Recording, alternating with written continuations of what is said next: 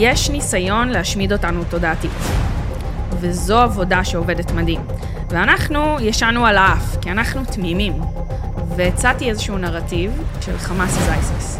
סינואר אומר, אני ג'ורג' פלויד, I can't breathe since 1948, זה הפלסטינים, זה אנחנו. כל התרבות הפרוגרסיבית, הם שומעים את זה, הם מבינים. אני מהצד שלי מנסה להתחבר אליהם לזהות הזאת, אבל כשהם באים ומעבירים עליי ביקורת, אני אומרת להם, אל תתבלבלו. אנחנו לא באותה סיטואציה, ואתם לא בפוזיציה בכלל לשפוט אותנו. אני אגיד עליי, באופן, אני לא יכולה לסלוח על מה שהיה. אין סרטון שלא ראיתי, אין תמונה שלא ראיתי. רואה את כל הסרטונים של החטופים שמפרסמים, הכל ראיתי. לא יכולה לסלוח, אין בי את המקום הזה בלב.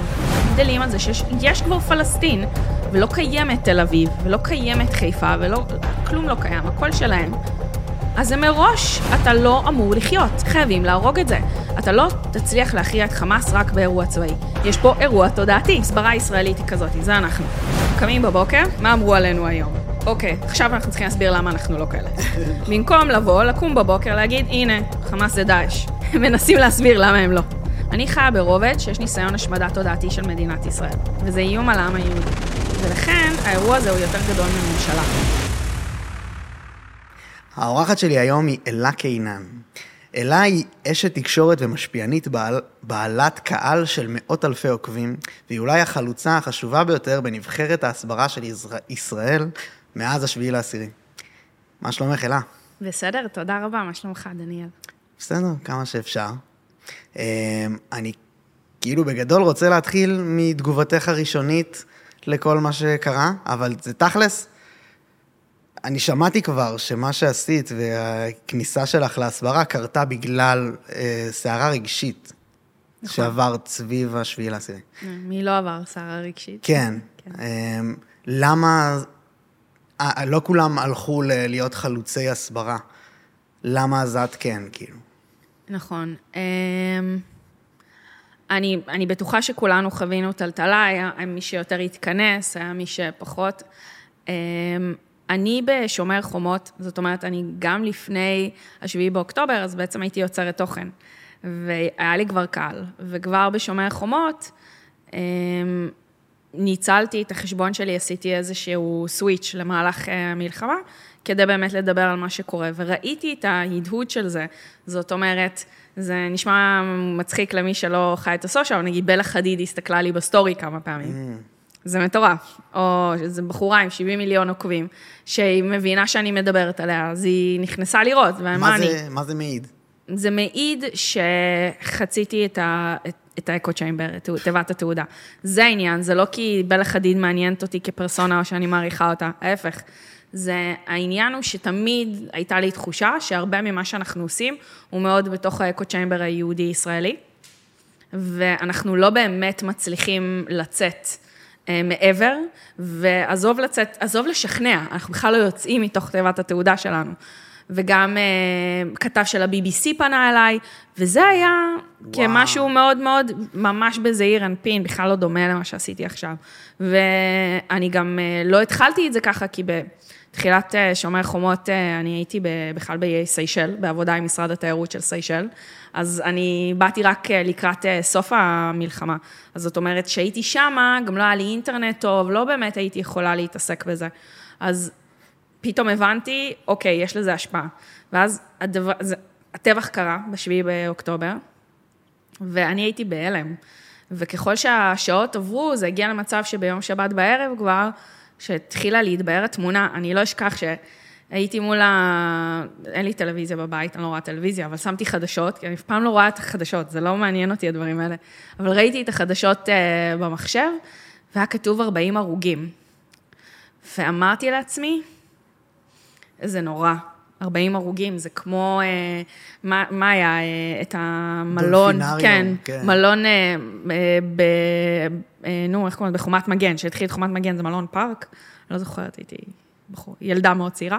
אז אה, זה הרגיש לי מטורף, היום אני אומרת, כל חיים חשובים, אבל הלוואי והיינו נשארים ב-40 הרוגים, גם, אה, גם זה היה אסון. ולקראת הערב כבר ממש התחילה לי חרדה. זאת אומרת, פחדתי ללכת לישון. פחדתי שמישהו יגיע אליי הביתה, זה היה לא היה ברור, זאת אומרת, עדיין היו מחבלים בשטח ישראל. לקח כמה ימים, אם לא שבועות, עד שתיארו את זה, אה, תיארו אותם. אז אה, קמתי ביום ראשון עם חרדה, ואני נכנסת לרשתות, ומה אני רואה? אני כבר רואה הכחשה. ומה עוד אני רואה? אני רואה... אה, נדבר על זה, אני בתחום הטיולים, אני רואה בלוגרים של טיולים מחו"ל, שאני מכירה, חלקם אני פגשתי בחו"ל, עשיתי איתם עבודות בחו"ל, ואני רואה אצלם בסטורי, בשמיני באוקטובר כבר. Uh, It's a justified resistance, זו התנגדות מוצדקת. כן. ואני אומרת, אתם רציניים? איך, איך, זאת אומרת, הבגידה הרגישה לי נוראית, אני חושבת גם הייתי בהלם שכולנו היינו בו, הייתי באיזושהי חרדה, ואמרתי, אוקיי, אני... אני זוכרת משומר חומות, ישר כתבתי איזשהו פוסט, אה, ציוץ בטוויטר, תקשיבו, אנחנו חייבים להתחיל לעבוד על זה עכשיו. יש לי בדיוק, אה, מצאתי את זה לפני כמה זמן, ביקשו שאני אשלח לאיזה כתבה. אז מצאתי את זה, אנחנו חייבים אה, להתארגן על זה מבחינת רשת. נתתי איזשהו רקע קצר על איך אני ממליצה לעשות את זה מהעולמות שלי של המדיה החברתית והשיווק בדיגיטל, זאת אומרת, לתת כלים לאנשים כדי שיבינו את ה-premise, שיבינו את הזירה אה, שאנחנו נמצאים בה, והצעתי איזשהו נרטיב. אה, של חמאס is ISIS. אה, והסברתי גם למה. ו... והלכתי לישון, זה היה ביום ראשון בלילה, וגם אמרתי, אני עוד אה, זוכרת את זה משומר חומות והכל, והיה לי בטוויטר, טוויטר הייתה הרשת עם הכי פחות עוקבים שהייתה לי, אז היה לי איזה 9,500 עוקבים, 9,300 עוקבים, משהו כזה. הלכתי לישון, לא ישנתי טוב, קמתי באיזה חמש בבוקר, זה נכנסת, אני רואה שהיה לי על זה אלפי לייקים, זה הגיע למאות אלפים, ואנשים אמרו, כן, מעולה, תובילי אותנו. והתחלתי פשוט להכין פוסטים. והכנתי מלא תוכן, והורדתי, ולצערי הרב, קבוצות הטלגרם אה, של חמאס וגאזה ניוז וכל מיני אה, כאלה, והתחלתי לכתוב תכנים, וייצרתי המון תוכן ביומיים האלה, ואמרתי, כאילו, והסיפור היה לייצר נרטיב של חמאס ודאעש כמה שיותר מהר, כי המלחמה פה היא על הנרטיב. היא תמיד הייתה, אה, והיא... ב... מאז הרשתות החברתיות, היא המלחמה העיקרית. זאת אומרת... מדהים, אני יכול... זה, כן, תעצור אותי. לגמרי, מדהים, מדהים, מדהים. תודה על השיתוף. אני, אה, יש לי פשוט מלא שאלות. אז... דבר ראשון, מה בחמאס איזייסיס כל כך תפס, ומאיפה הבאת את זה? זה א', ב', אה, אז מה שאת אומרת הוא שהסיבה לזה שעשית את כל מה שעשית וכל ההירתמות הזאת שלך, היא בגלל שראית כמה אנחנו לא בכיוון. כן, ואני חושבת שגם, אולי בדיעבד זה ניתוח יותר נכון, אבל כשהייתי בחרדה, אני ממש זוכרת שאני כבר בשבת, באתי להוציא את הזבל, ולא הרגשתי נוח להוציא את הזבל, ונשארתי עם זה עד אה, יום שני, עם הזבל בבית, וכאילו... זה נורא, כי פחדתי לצאת. לצאת. ואני כן. חושבת שמשהו בזה שכתבתי את זה, ואפילו לדעתי בשבת בערב כתבתי בטוויטר שאני פוחדת. אני ממש, אני לא, לא יודעת אם יש את זה עדיין, לא מחקתי, אבל זה ממש כתבתי שאני ממש בחרדה, ואני חושבת שזו הייתה, הייתה הדרך שלי להתמודד עם חרדה, זאת אומרת, לעשות, להיות באקטיביות. אז בגדול, מה שאתם רואים כאן זה סך הכל התמודדות עם חרדה. זה האירוע. אוקיי, מדהים. והחמאס איז אייסיס? החמאס איז אייסיס, אמ, זה בהתחלה אפילו לא כתבתי את זה ככה, אלא פשוט אה, הסתכלתי על זה, פשוט לא זכרתי. הסתכלתי בשמיני באוקטובר, שזה יום ראשון, כתבתי בערב, תקשיב, פשוט צריך לעשות נרטיב שחמאס זה דאעש. וכתבתי את זה, חמאס is like ISIS, כאילו בטקסט עצמו. אה, והסיפור הוא כזה, ש... בסוף אני יודעת, אני מטיילת בעולם. הייתי כן, ביותר... בואו נשים את זה רגע על השולחן. כן, כן, מה כן. שעשית, שהביא לך את הכוח הזה, נכון. הוא ערוצים במדיה, נכון. שבהם את מטיילת בעולם ומצלמת את מה נכון, אני עוסקת בשיווק דיגיטלי ומדיה חברתית כבר אה, כמעט שמונה שנים, עוד מאז שהייתי במהלך התואר הראשון, וזה מאפשר לי גם לעבוד מרחוק. והקמתי אה, בלוג טיולים, אה, שבהתחלה נהיה תחביב, ועם הזמן זה נהיה יותר מקצועי. התחלתי לעבוד עם משרדי תיירות, אה, ואני גם אוהבת לטייל במקומות שהם יותר מיוחדים, מרוחקים. למלחמה חזרתי הייתי בכמה מקומות לפני, הייתי בליטא, הייתי באוסטריה, הייתי בצ'כיה, ולפני זה חזרתי אה, כמעט ארבעה חודשים בקריבים, שפשוט עברתי עם אה, אי לאי, ואני הייתי בדרום האוקיינוס השקט, בכל מיני מיקרונזיה, אה, פיג'י, ונואטו, זה בטח לא אומר לכם כלום, אה, פולינזיה הצרפתית, כל מיני כאלה. זאת- נשמע אקזוטי. זה באמת אקזוטי, ויותר הכיוון שלי הוא באמת תרבות, טבע, היסטוריה, העמים עצמם, יש להם מיתולוגיה משלהם, יש להם אה, דברים מעניינים בתרבות, ועל זה אני באמת מייצרת את רוב התוכן. אז אני מטיילת הרבה, ואני יכולה להיות חצי שנה בשנה בחו"ל גם. ואני יודעת מה זה להיות זרה, ואני יודעת מה זה להיות אורחת, וזה לא חדש. זאת אומרת, האהבה לטיולים, יש לה מניפיסטציה באמצעות הבלוג, אבל זה מאז שהייתי, זה, זה התחיל מן הסתם בבית. אמ, ובאמת גדלתי במשפחה שבזכותה טיילתי גם הרבה בחו"ל וכולי, ואני יודעת מה זה כשאתה... יש לי את הפרופורציה הזאת שאנחנו לא באמת מעניינים. אנחנו הרבה פחות מעניינים ממה שאנחנו חושבים. אגב, זה נכון ברמת הפרט וברמת הקולקטיב, טיפ לחיים.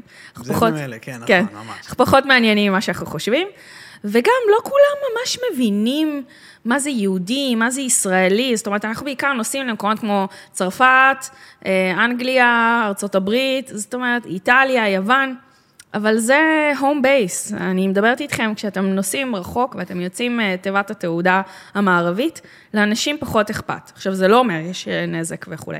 לא, אבל במערבית כן. כן, כן, אבל אני, מה שאני בעצם, כאורחת, כזרה, אני יודעת שלאנשים אין- את התודעה היהודית הישראלית. וכשאני אומרת נאצים, זה לא מעורר את אותם רגשות אצל אנשים בחו"ל. אגב, גם אצל אנשים באירופה, אוקיי? יש אה, היסטוריה שחורה לאירופה, אבל זה לא מעורר את אותם רגשות כמו שלי יש כיהודייה ישראלית.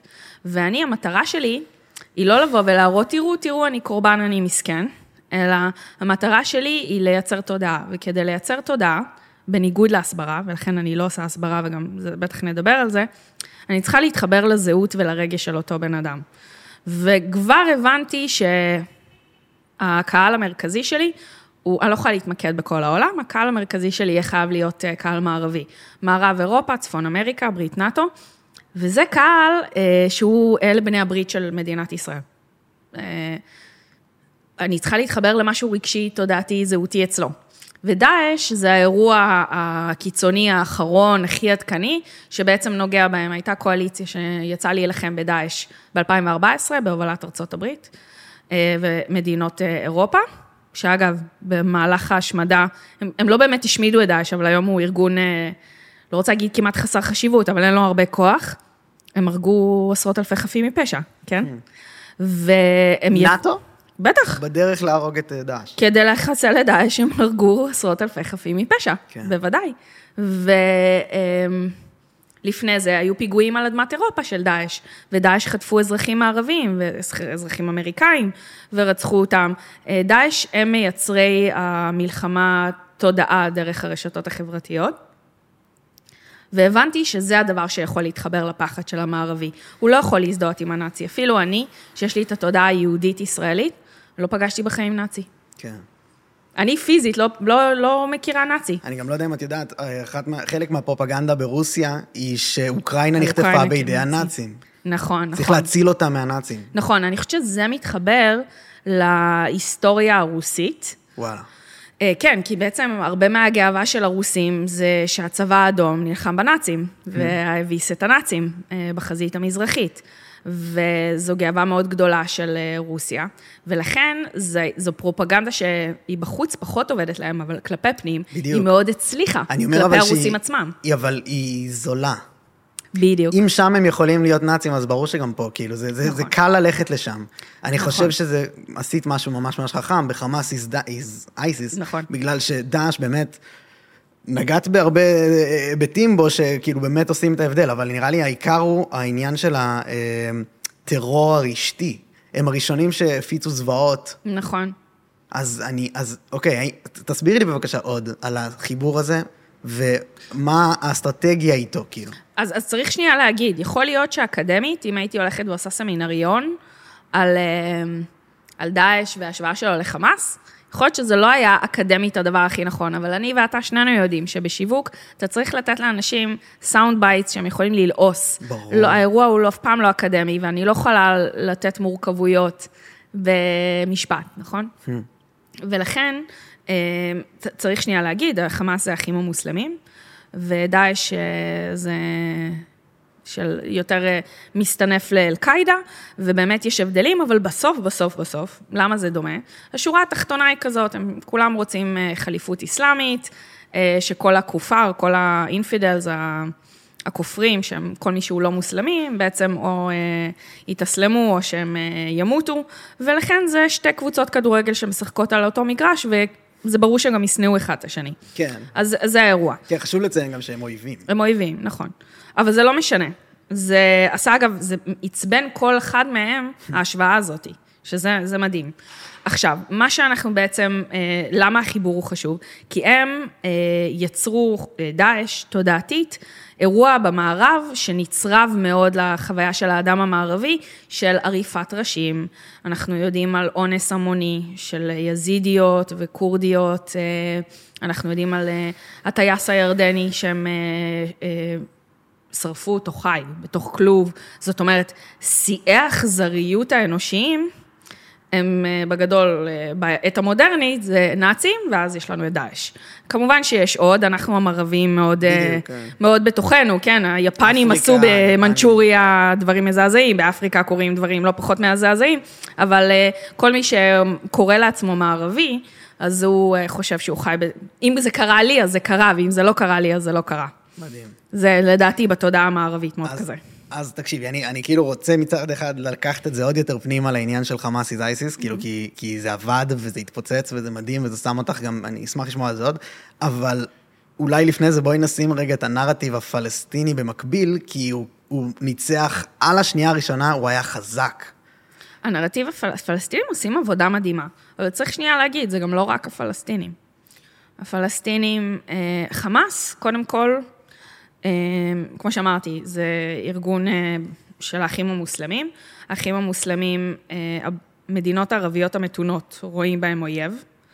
אה, זה אסלאם קיצוני, זאת אומרת, במצרים אה, הגלו אותם אחרי שהם עלו לשלטון ועפו, אה, גם בסעודיה, גם בבחריין, באמירויות, אה, לא מקבלים את האחים המוסלמים. גם האחים המוסלמים מסייעים לזה, אנחנו יודעים שגם האיראנים מסייעים לדבר הזה, האיראנים הם שיעים, כן, זאת אומרת, זה לא רק תרחיב את, הפלסטינים. הפוקוס, את, המצלמה, כן. חברים, הפוקוס הוא בכלל אחר לגמרי, אתם, אני, לא, אני מקווה שכולם מבינים. הפוקוס הוא שיש שני צירים בעולם הזה. יש ציר מערבי ויש את הציר הנגדי, ואנחנו סך הכל הדומינו הראשון בציוויליזציה של הציר המערבי. זהו, זה הסיפור, זה הרבה יותר גדול מאיתנו והפלסטינים, אני לא, לא יודעת כמה תרצה להרחיב על זה, אבל זה, זה האירוע. זה, אני חושב שכאילו, למה אנחנו הדומינו הראשון רק? כי אנחנו גובלים עם הסכנה. אגב, במידה רבה גם אוקראינה. זאת אומרת, תחשוב, צרפת, או ארה"ב, או קנדה, או אוסטרליה, הן לא בגבול עם, ה... עם הצירים האלה. אנחנו בחזית של הציר האנטי-מערבי. אנחנו עומדים מולו, ולנו יש סכסוך שהציר הזה ישתלט עליו, ואנחנו דוגמה, כמו אוקראינה, לפרוקסיז, אה, שאנחנו פרוקסי של הציר המערבי, של ברית נאט"ו, והם פרוקסי של, לא סתם מצאנו בעזה נשק צפון קוריאני, ולא סתם מצאנו אה, דברים מסין, ולא סתם מצאנו מסוריה, ולא סתם, זאת אומרת, זה הציר שאנחנו מולו, ואנחנו עומדים בחזית מולו. זה הסיפור. הסיפור הוא הרבה יותר גדול מישראלים נגד אה, פלסטינים או נגד חמאס. זה צריך קודם כל ליישר את ה... מי שלא ידע עד עכשיו, זה האירוע. זה אותו הדבר עם אוקראינה. אוקראינה, היא לא עומדת בתנאים כדי להתקבל לנאט"ו, כי אם אני לא טועה לנאט"ו, צריך שלא יהיה סכסוך פעיל כדי להתקבל, אני לא בטוחה בדיוק, אבל היא רוצה מאוד להתקבל לנאט"ו, והיא מאוד רוצה את החיבה של העולם המערבי ולנסות להתקבל אליו, וכמובן שהיא מקבלת המון סיוע, גם מארצות הברית, גם מגרמניה, מאוד מדינות אירופה. ובמה היא נלחמת? ברוסיה, שמי הן בנות הברית שלה? צפון סין. קוריאה, סין, איראן. איראן, סוריה, נכון? אז בעצם אנחנו והאוקראינים במובן הזה דומים. מדהים.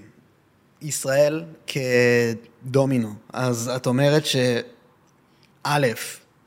אין מאבק מדיני פלסטיני מאחורי כל הפרי פלסטיין וכל זה, אלא זו תמונה הרבה יותר רחבה של אה, החזית האיראנית מנסה לעשות פה משהו אה, אני, כזה? אני חושבת, ואני מודה שזה משהו שאני יותר חוקרת אותו בימים אלו, אז אין לי את כל התמונה המלאה, אבל יש כאן אירוע פלסטיני, שהוא נהיה חזק ויעיל בזכות בינה זרה, שהתחברה אליו והחליטה ששווה לה לקדם אותו. Mm.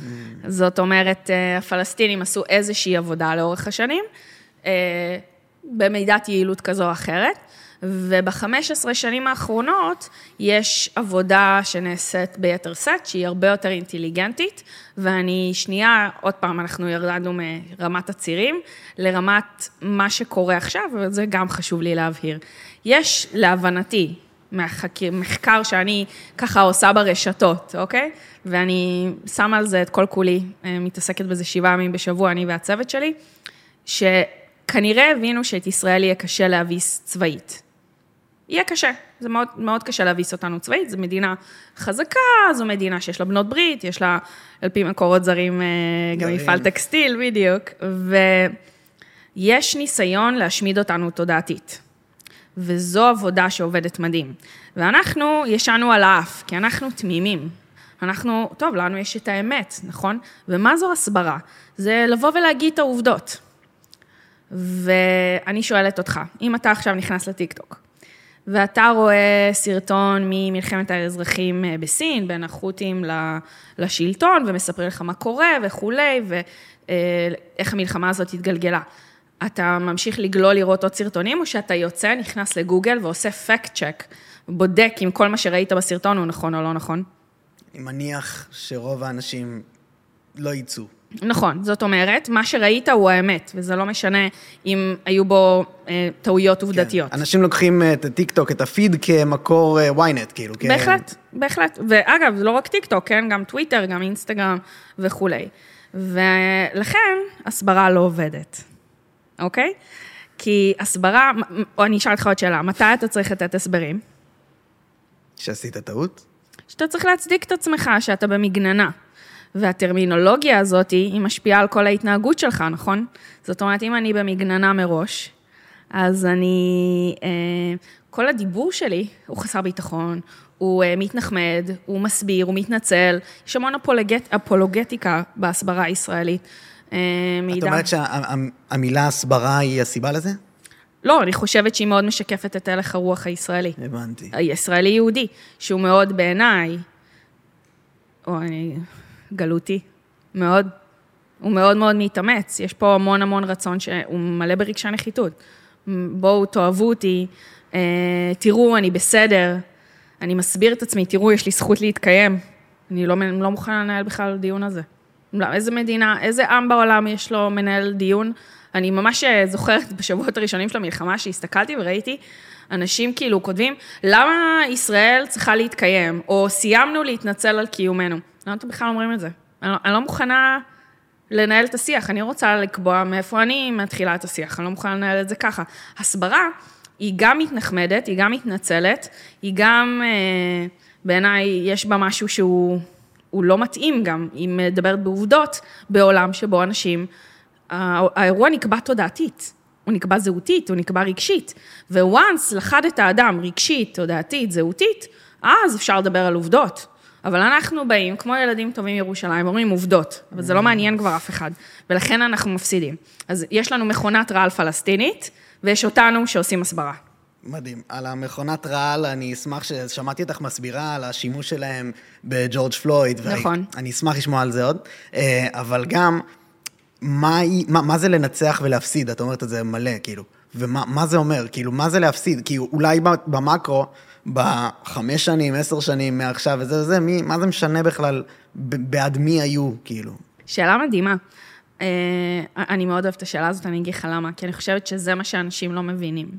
אני חושבת שבהסתכלות הצרה של השנה-שנתיים הקרובות, אני לא חושבת שאנחנו נראה את הנזק. כמו שלא ראינו את הנזק בשנים האחרונות, אלא הוא פתאום מצטבר לך כשיש מלחמה.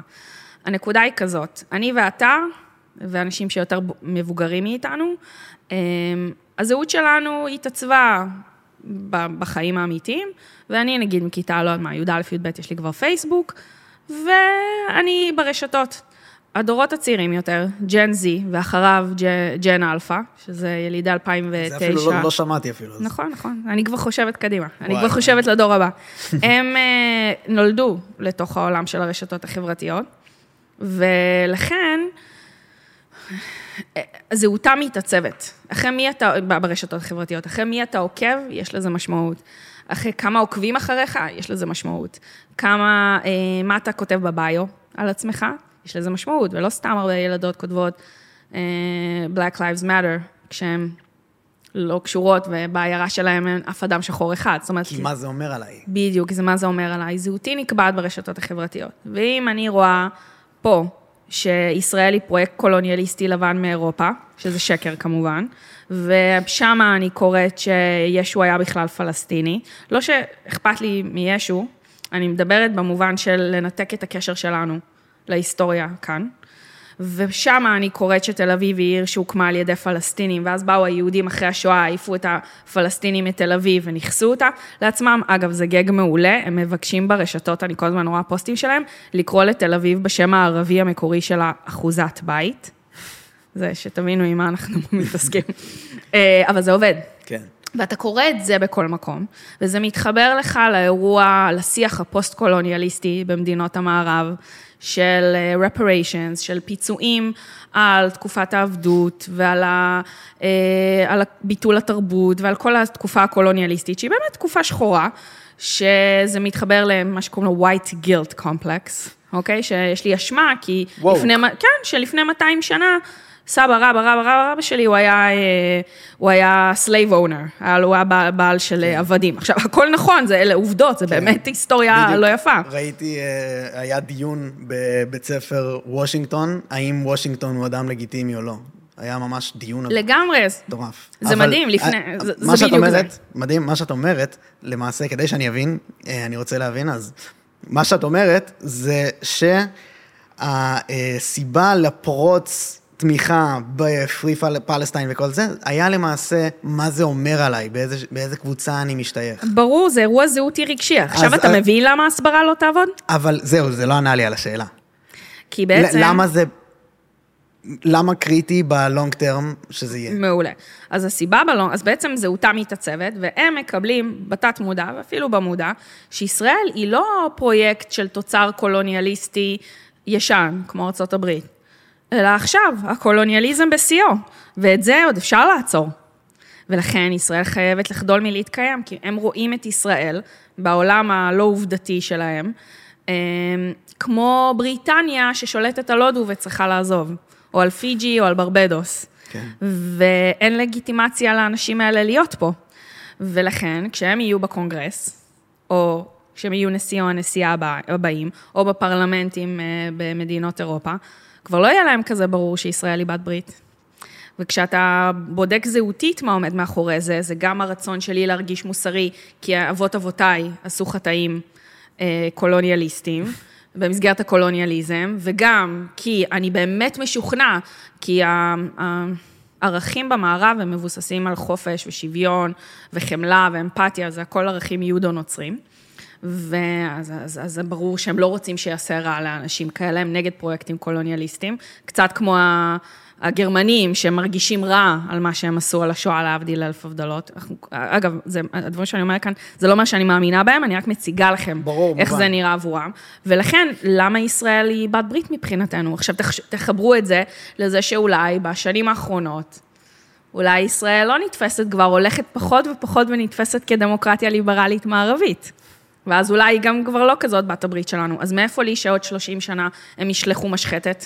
אז את אומרת למעשה שהחשיבות היא השימור של הקואליציה הזאת, הצגנו את הצדדים, אז אתה רוצה להתנהג כמו שצריכים. נכון. משהו כזה. היה פה אה, אליהו יוסיאן, אם את מכירה, בטח. והוא אמר משהו שמהדהד לי עכשיו ממש, הוא, אני שאלתי אותו על הנושא הזה, והוא אמר לי, מה אתה מתרגש, כאילו, המצלמות עכשיו שמה, לפני, כאילו, חצי שנה זה היה באינדונזיה, אוקראינה, פשוט המצלמות עוברות ממקום למקום, לא צריך בכלל לחשוב על זה. אני חושבת שההיסטוריה מוכיחה לנו שזה לא נכון. אני חושבת שאיפה שהיחסים שלנו היו עם ארצות הברית לפני 20 שנה. ואיפה שהיום אנחנו נמצאים מול המפלגה הדמוקרטית, mind you, 70 אחוז מהיהודים בארצות הברית, אני לא יודעת מה יהיה עכשיו, אני יודעת שהרבה דברים השתנו בקדנציה הזאת, אבל עד כה, כ-70 אחוז מהיהודים בארצות הברית מצביעים למפלגה הדמוקרטית. המפלגה הדמוקרטית מזוהה עם היהודים. ואם היא מתחילה בתוכה להתנתק מהתמיכה הבלתי מסויגת מישראל, ואנחנו רואים שהתמיכה הבלתי מסויגת מישראל היא בעיקר מהדורות המבוגרים, ויש לנו את הדורות הצעירים יותר, את הסקואד של אה, AOC ואילן עומר וכולי וכולי, הם כבר ממש לא תומכים בישראל, אז אני צריכה בעצם אה, להגיד, אוקיי, אז אין מה לדאוג. עכשיו, יבואו ויגידו לי, אלה, אלה, אלה, לא טוויטר וטיק טוק זה לא המציאות, וגם יגידו לי, בשביל זה יש דיפלומטים ומדינאים.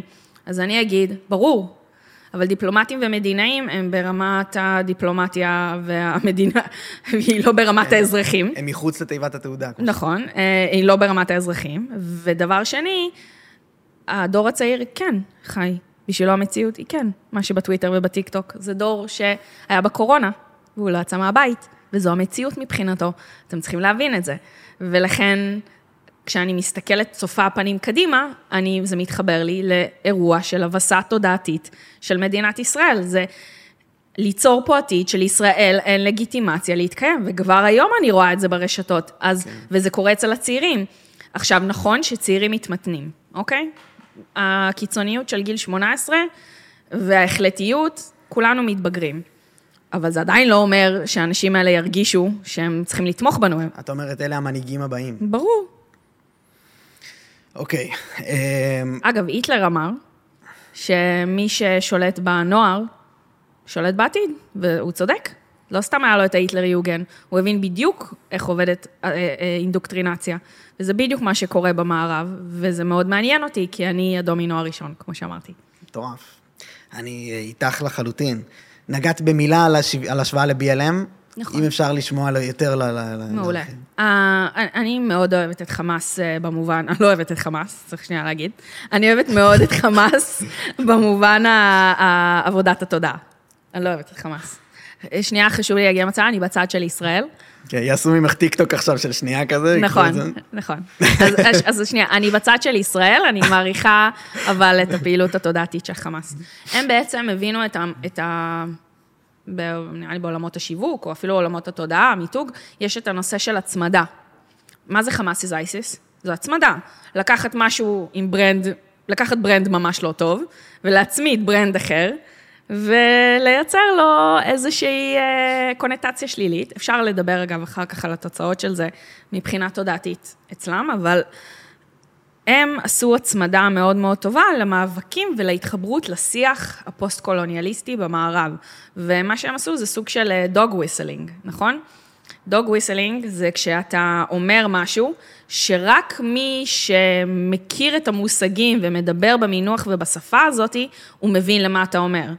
אה, לצורך העניין, אם אני אדם לבן בן 80 בומרית, נולדתי ב-1940 ומשהו, בוויסקונסין, ואני חיה את חיי, כש...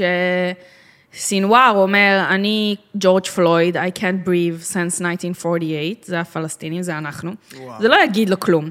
אבל האנשים שהקטע של Black Lives Matter, ו-reparations, ו-post-colonialism, ו-oppressed versus oppressor, כל, כל המונחים האלה שאוהבים נורא להתעסק בהם היום, כל התרבות הפרוגרסיבית, הם שומעים את זה, הם מבינים.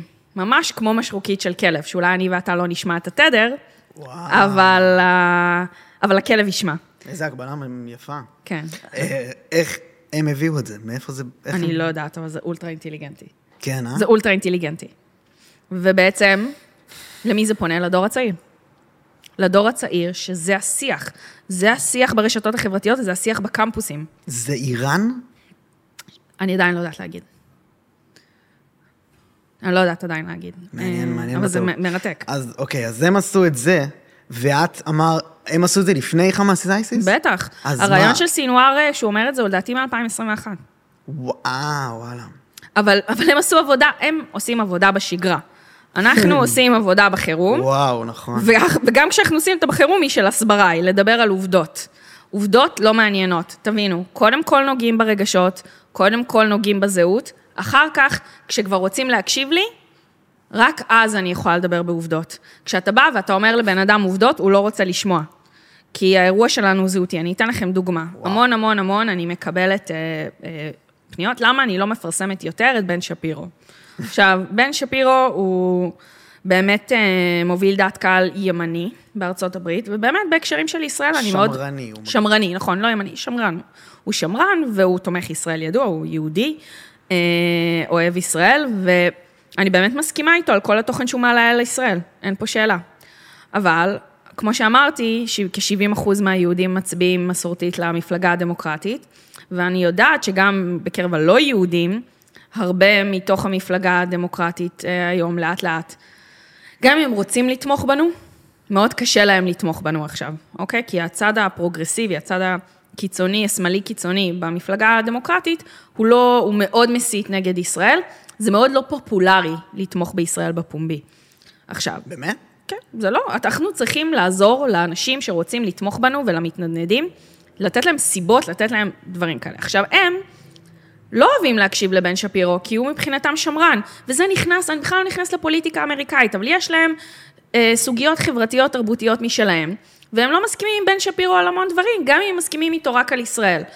אבל עזבו, עזוב את היהודים. הלא יהודים, הם יראו את בן שפירו, לא יהודי דמוקרטי, נוטה לשמאל מקליפורניה, או לא יודע מה, קולורדו, הוא יראה את בן שפירו, הוא יעבור הלאה, כי הוא מבחינתו, זו דמות שהוא לא רוצה להקשיב לה, כי זה אירוע זהותי.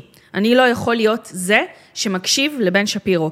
כמו שאתם, פה בישראל, יש דמויות בפוליטיקה הישראלית, שגם אם בטעות הם יגידו משהו אינטליגנטי, אנחנו לא נקשיב להם, כי אנחנו מתנגדים להם. לצורך העניין, אנשים שהם נגד אה, ראש הממשלה, גם אם ראש הממשלה יעשה או יגיד משהו טוב, הם לא, בחיים לא יכתבו פוסט תומך בו, כי הם לא אוהבים את ראש הממשלה. רק לא ביבי זה קבוצת השתייכות. בדיוק, בדיוק, זה אירוע זהותי. אותו הדבר, דברים שקשורים לשמאל, גם אם מישהו בשמאל יגיד, או מה שזה לא יהיה, אני לא יודעת כבר מה תהיה החלוקה, אבל אה, יגיד משהו שהוא נכון, אבל אני לא יכול להגיד שאני תומך בבן אדם הזה בשמאל. או במפלגה, או במישהו שמגיע מחוץ, מהאופוזיציה, אז אני לא יכולה לעשות את זה. אז תבינו, ככה זה נראה, כלפי חוץ. אני לא יכולה, אני פחות מעלה תוכן של שמרנים בארצות הברית ובאירופה, כי אני לא רוצה להיות מזוהה עם הדבר הזה, לא כי יש איתם בעיה, כי לא ככה אני אשכנע, כי ככה עובדת זהות, האירוע הזהותי. וברגע שאני מפרקת ואני מתחברת להם לזהות, רק אז אני יכולה להתחיל לדבר בעובדות. זו הדרך שאני מאמינה וחושבת שהיא נכונה. זה מה שהם עשו עם ה... חד משמעית. ברור. וזה חמאס איז אייסיס. נכון. תקשיבו, זה עובד, אנחנו עברנו את 400 מיליון צפיות אורגנית באפס שקלים, כבר לפני שבוע. תוכן טוב עושה את העבודה. 400 מיליון צפיות, אפס שקלים. וזה פשוט מדהים שאני רואה כל מיני outlets שאומרים לנו, שמנו על קידום ממומן, חצי מיליון דולר, כן. והגענו לאיזה 250 מיליון צפיות, ואני אומרת, עשינו את זה באפס שקלים. זה פשוט להבין את הרשת. אני גם אגיד לך תכף, זה למה זה צמח דרכנו. כי אנחנו לא מתעסקים ב public diplomacy. אנחנו לא stand with us. אנחנו לא כאילו advocating for Israel. אנחנו אנשי סושיאל. זהו, זה האירוע, זה, כאילו אין פה גאונות. לא, אבל, ומה מה זה מעיד? אני חושבת שזה מעיד על חוסר ההבנה, הרי אם אתם עכשיו עובדים בקמפוסים, ואתם, אה, המטרה שלכם לעשות אה, דיפלומטיה, public diplomacy, כאילו, או advocacy for Israel, זה מצריך סט כישורים מסוים, אבל זה לא אותו סט כישורים של הסושיאל מדיה, ואני מרגישה שהרבה ארגונים שעושים הסברה, אני שונאת את המילה הזאת, כן. הסברה, הם בעצם, סושיאל מדיה זה עוד כלי שפשוט הם מהדהדים את אותם סט כישורים בו, אבל לא ככה פועלת הסושיאל מדיה. סושיאל מדיה זה חיים משל עצמם למדיה חברתית, לא? גם, וגם אני חושב שעוד עניין זה שאתם נוגעים, מה שאמרת לי עכשיו... זהות. זהות, רגש. אתם יודעים... אתם עושים את החלק הזה שיש בסושיאל ברור, מידיה. אגב, לא זה סתם זה... יש מלא אנשים שעושים סושיאל שלא יודעים לעשות, אז כאילו. נכון, אגב, לא תמיד גם אני עשיתי את זה הכי טוב, וגם אני לא כל מה שאני עושה עכשיו עובד, בסדר? אבל אני הבנתי את האירוע. כן. אז אני יודעת יותר ויותר לעשות A-B testing ויותר להגיע, הכסף שאנחנו מגייסים כרגע מהציבור, הוא כסף אה, שהרבה הולך גם לסקרים בחו"ל. ו- ולבדיקה של כל מיני דברים כאלה. זאת אומרת, אני גם רוצה שהארגון הזה יהיה כמו אה, סוג של חברה לשיווק בדיגיטל, שהיא צריכה לדעת לתת attribution, לדעת האם היא משנה. ודרך איזה צינורות אה, זה אפקטיבי, זה לא רק ה-look and feel שלי, כאילו, וואי, זה מרגיש לי שזה עובד. הרי אני חושבת שהגענו ל-400 מיליון צפיות, באפס שקלים, זה אחלה. האם זה השפיע? אז צריך לדבר על זה. יש דברים שאפשר יהיה למדוד ויש דברים שלא. אני חושבת שכשאני מדברת בטרמינולוגיה הזאתי, אז זה כבר נהיה סופר מקצועי, וזה לא העולם של public diplomacy. עכשיו, עוד סיבה שזה עובד, זה כי אני גם לא מפגרת, אני יודעת את ההיסטוריה שלי. אני יודעת, את ה... אני יודעת לנהל דיון אינטליגנטי וויכוח אה, מורכב על ההיסטוריה של מדינת ישראל וההיסטוריה של התנועה הציונית וההיסטוריה של עם ישראל וההיסטוריה של הסכסוך, אני יודעת להחזיק דיון על זה. ולכן, כשאתה מחבר את זה עם הבנה במדיה חברתית, אז אני חושבת שאפשר לפצח את האירוע.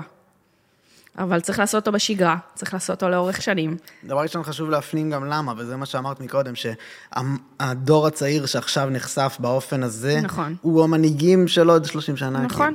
ו... אוקיי, כאילו, אני, אני מרגיש שיש פה מלחמה קיומית שאת רואה. על... אני רואה מלחמה קיומית, וואו, אני לגמרי, סליחה שאני מדברת בפומפוזיות. אני לא כזאתי, ואני גם לא קמה כל בוקר באיזה היסטריה. אבל אני חושבת לטווח הארוך. אנחנו היהודים לא טובים בטווח ארוך, כי תמיד היינו רגילים לברוח מאיזה פוגרום, לברוח למקום אחר. אז לא היה לנו הרבה מחשבות לטווח הארוך, אבל צריך לחשוב לטווח הארוך. בטווח הארוך זה מדאיג אותי, וגם אה, הייתה לי היום בבוקר איזושהי שיחה עם אה, מישהו מקהילה יהודית אה, בחו"ל, מדינה מערבית כלשהי, שרוצים להזמין אותנו, אני מתעסקת המון עכשיו בחינוך. עושה הרצאות בבתי ספר, בארגונים, כדי שכולם יבינו שנייה מה קורה ואיך אפשר לפתור את זה. אנחנו צריכים להיות מאוחדים בהקשר הזה. והוא אמר לי משהו מזעזע, הוא אמר לי, את יודעת, השיח ברשתות החברתיות, גם לפני השביעי באוקטובר, במשך שנים, חלחל כל כך עמוק, גם לתוך הצעירים היהודים, שהשיח לפני השביעי באוקטובר היה שהם אמרו לנו, ההורים בבתי הספר, למה אנחנו צריכים להיות ציונים? לא מספיק שנהיה יהודים? כאילו, למה זה, למה הקשר שלנו לישראל בכלל חשוב? כי זה לא מגניב. נכון. זה לא מגניב, להיות ציוני. אתם לא רואים את הסכנה בזה? כן, באמת, לא, אתם לא רואים את הסכנה בזה? את חושבת שזה... זה יהודים. אולי זה אבל... זה הקהל הבית. אולי זה עולמי? באיזה מובן? ליברליות אל מול לאומיות, כאילו? אני חושבת שנכנסנו, אנחנו בתקופה במציאות, בעולם, שיש שיח, זה חוזר לשיח של ליברליות מול שמרנות, של, אה, זה הכל זהויות, כן. אה, של פוסט-קולוניאליזם. אז בואי ניכנס לזה ברשותך, כאילו, אני אשמח, אני אשמח לשאול באמת, אבל ברחב יותר אולי, למה נראה לך שזהות היא הדיון החשוב כרגע, ומה, או מה הרגש שדיון על זהות מייצר שחשוב כרגע להתעסק בו? כי אני צריכה לצאת מתוך המחשבה היהודית-ישראלית. אוקיי? התודעה היהודית הישראלית באקו צ'יימבר היא אנחנו ואנחנו ואלפיים שנה וגלות ושואה ותקומה והתנועה הציונית, אבל את העולם, רוב האנשים זה לא מעניין אותם. עכשיו תביאו לי את ההיסטוריה של סלובניה. או אפילו, לא יודעת, אני הייתי, ואני באה עם ידע כללי, והייתי בליטא שבועיים בערך לפני המלחמה, ועם משרד התיירות. והם ממש דיברנו שם על כל מה שהיה שם, על ההיסטוריה של ליטא, גם מול היהודים וגם על ההיסטוריה אה, מול רוסיה, שהיה כיבוש רוסי, ואז אה, הכיבוש הרוסי עזב, ואז נכנסו הנאצים, ואז חזרו הרוסים, והקומוניזם וכולי, וואלה, אני לא ידעתי את כל הדברים, זאת אומרת, ידעתי שהיה שם קומוניזם ושלטון אה, רוסי שהם שונאים, אבל לא, הם ירדו איתי לרזולוציות שלא הכרתי. למה שמישהו יתעניין בהיסטוריה של מדינת ישראל והעם היהודי ככה? זה לא מעניין. אז אם אני רוצה בסוף, מה המטרה שלי? המטרה שלי קודם כל, שלישראל יהיה מרחב תמרון, לנהל את כל המאבקים שלה לפי האינטרסים שלה בלבד. ובשביל שזה יקרה, אני צריכה בני ברית. ואם בני הברית שלי הם במערב, אז אני צריכה, נכון, פעילות דיפלומטית, מדינית, מול המנהיגים האלה, אבל במערב זה דמוקרטיות, ובדמוקרטיה, לדעת הקהל, יש המון השפעה על המנהיג, ואם דעת הקהל, בניגוד לדיפלומטים, היא נגד ישראל, והיא שמה לחץ על המנהיג, מפעילה לחץ על המנהיג, אז הוא לא יהיה לו כזה קל לתמוך בישראל. ואז הוא, מה אכפת לו? מהקדנציה הבאה שלו. ולכן הוא לא יהיה לו ברור כל כך שהוא תומך בישראל. אז הוא יפעיל יותר לחץ על ישראל, אז לישראל לא יהיה מרחב תמרון לעשות את הדברים כמו שהיא צריכה, בלי לחץ, אוקיי? עכשיו, בשביל שאני אעשה את כל הדבר הזה, אני צריכה לשכנע אותם להיות או ניטרלים, או בעד ישראל, אוקיי? זה האירוע. ובשביל לעשות את זה, לדבר על עצמי, ואני, ואני, ואני, ואני, ואני, זה לא מעניין. צריכה לדבר עליך. בעצם אנחנו אפילו יודעים ממחקרים, שכשאתה מדבר עם אנשים עליהם, הם נוטים יותר לאהוב אותך. זה, ככה זה עובד, אז אני צריכה לדבר איתם עליהם. ואז אני צריכה להתחבר למקומות החברתיים שהם נמצאים בהם עכשיו. יש להם כל מיני דיונים שהם חיים אותם היום. במדינות האלה, והדיונים האלה בארצות הברית, דיברנו על זה כבר, וזה גם נכון להרבה ממערב אירופה, יש להם גם שיח על מהגרים, השיח על הגירה הוא באופן כללי בצפון אמריקה ומערב אירופה, שיח על זהות, על פוסט-קולוניאליזם, שיח אה, בין גזעי. כן. יש מתח בין גזעי, יש כל כך הרבה דברים כאלה. אני צריכה, כמו חמאס, ליפול להם לתוך התבניות האלה. once הם מזהים, אוקיי, אני מבין, אני יכול להזדהות, אני יכולה לעשות את זה באמצעות הומור, אני יכולה לעשות את זה באמצעות אה, הפעלת רגש כמו חמלה, שאנחנו לא עושים כזה טוב, אני תכף אסביר למה, ואני יכולה לעשות את זה באמצעות ערכים משותפים. אז לאט לאט, אם נעשה את זה טוב, במאוד מקומות, אנחנו נוכל לגרום לאנשים לפתוח את האוזניים ולהגיד, אוקיי, אני מוכן להקשיב. ואז אנחנו צריכים לדבר עובדות, ולדבר על ההיסטוריה שלנו. ואני חושבת ש... בתור מישהי שעבדה עם יעדים על המיתוג שלהם, זה מה שיעדים בסוף מנסים לעשות, להפעיל את הרגש אצלך, וכדי שתבוא אליהם. והדוגמה הכי טובה היא דרום אפריקה או מקסיקו, אלה מדינות עם פשע מטורף. דרום אפריקה היא בירת האונס העולמית.